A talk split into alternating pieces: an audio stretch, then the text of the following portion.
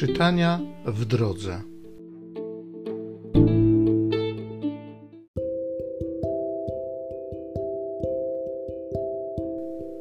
Z księgi proroka Jeremiasza. Tak mówi Pan.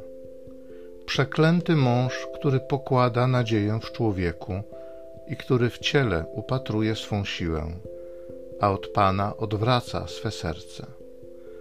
Jest on podobny do dzikiego krzewu na stepie.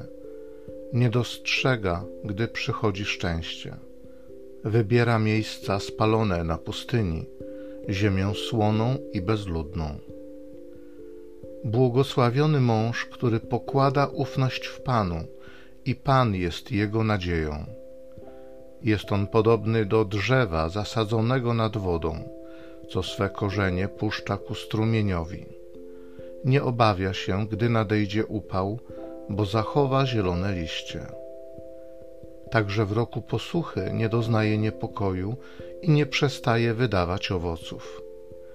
Serce jest zdradliwsze niż wszystko inne i niepoprawne. Któż je zgłębi? Ja, Pan, badam serce i doświadczam nerki, bym mógł każdemu oddać stosownie do jego postępowania – według owoców jego uczynków.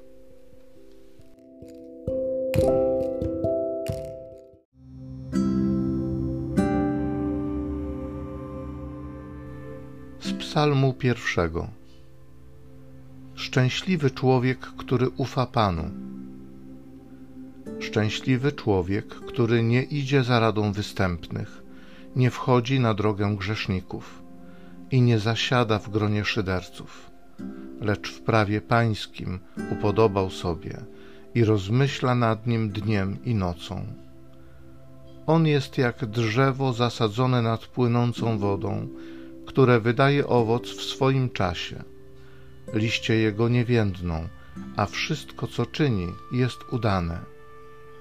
Co innego grzesznicy są jak plewa, którą wiatr rozmiata, albowiem droga sprawiedliwych jest Panu znana, a droga występnych zaginie. Szczęśliwy człowiek, który ufa Panu.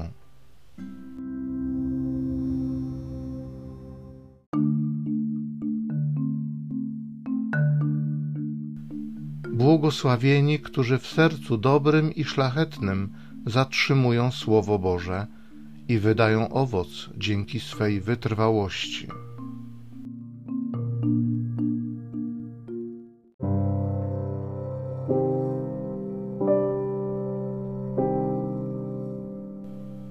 Z Ewangelii według świętego Łukasza.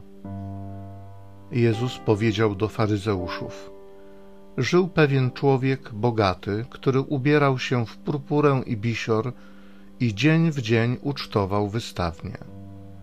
U bramy jego pałacu leżał żebrak pokryty wrzodami imieniem Łazarz.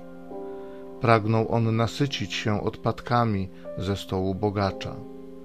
A także psy przychodziły i jego wrzody. Umarł żebrak i aniołowie zanieśli go na łono Abrahama. Umarł także bogacz i został pogrzebany.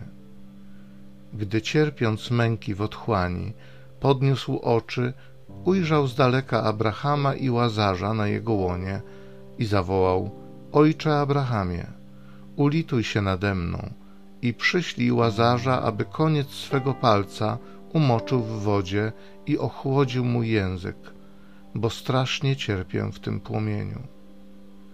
Lecz Abraham odrzekł: Wspomnij, synu, że za życia otrzymałeś swoje dobra, a Łazarz w podobny sposób niedolę. Teraz on tu doznaje pociechy, a ty męki cierpisz. A ponadto między nami a wami zionie ogromna przepaść Także nikt, choćby chciał, stąd do was przejść nie może, ani stamtąd nie przedostają się do nas.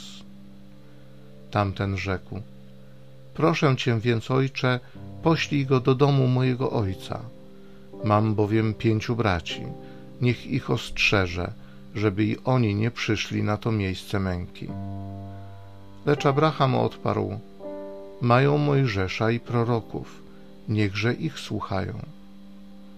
Nie, ojcze Abrahamie, odrzekł tamten, lecz gdyby ktoś z umarłych poszedł do nich, to się nawrócą.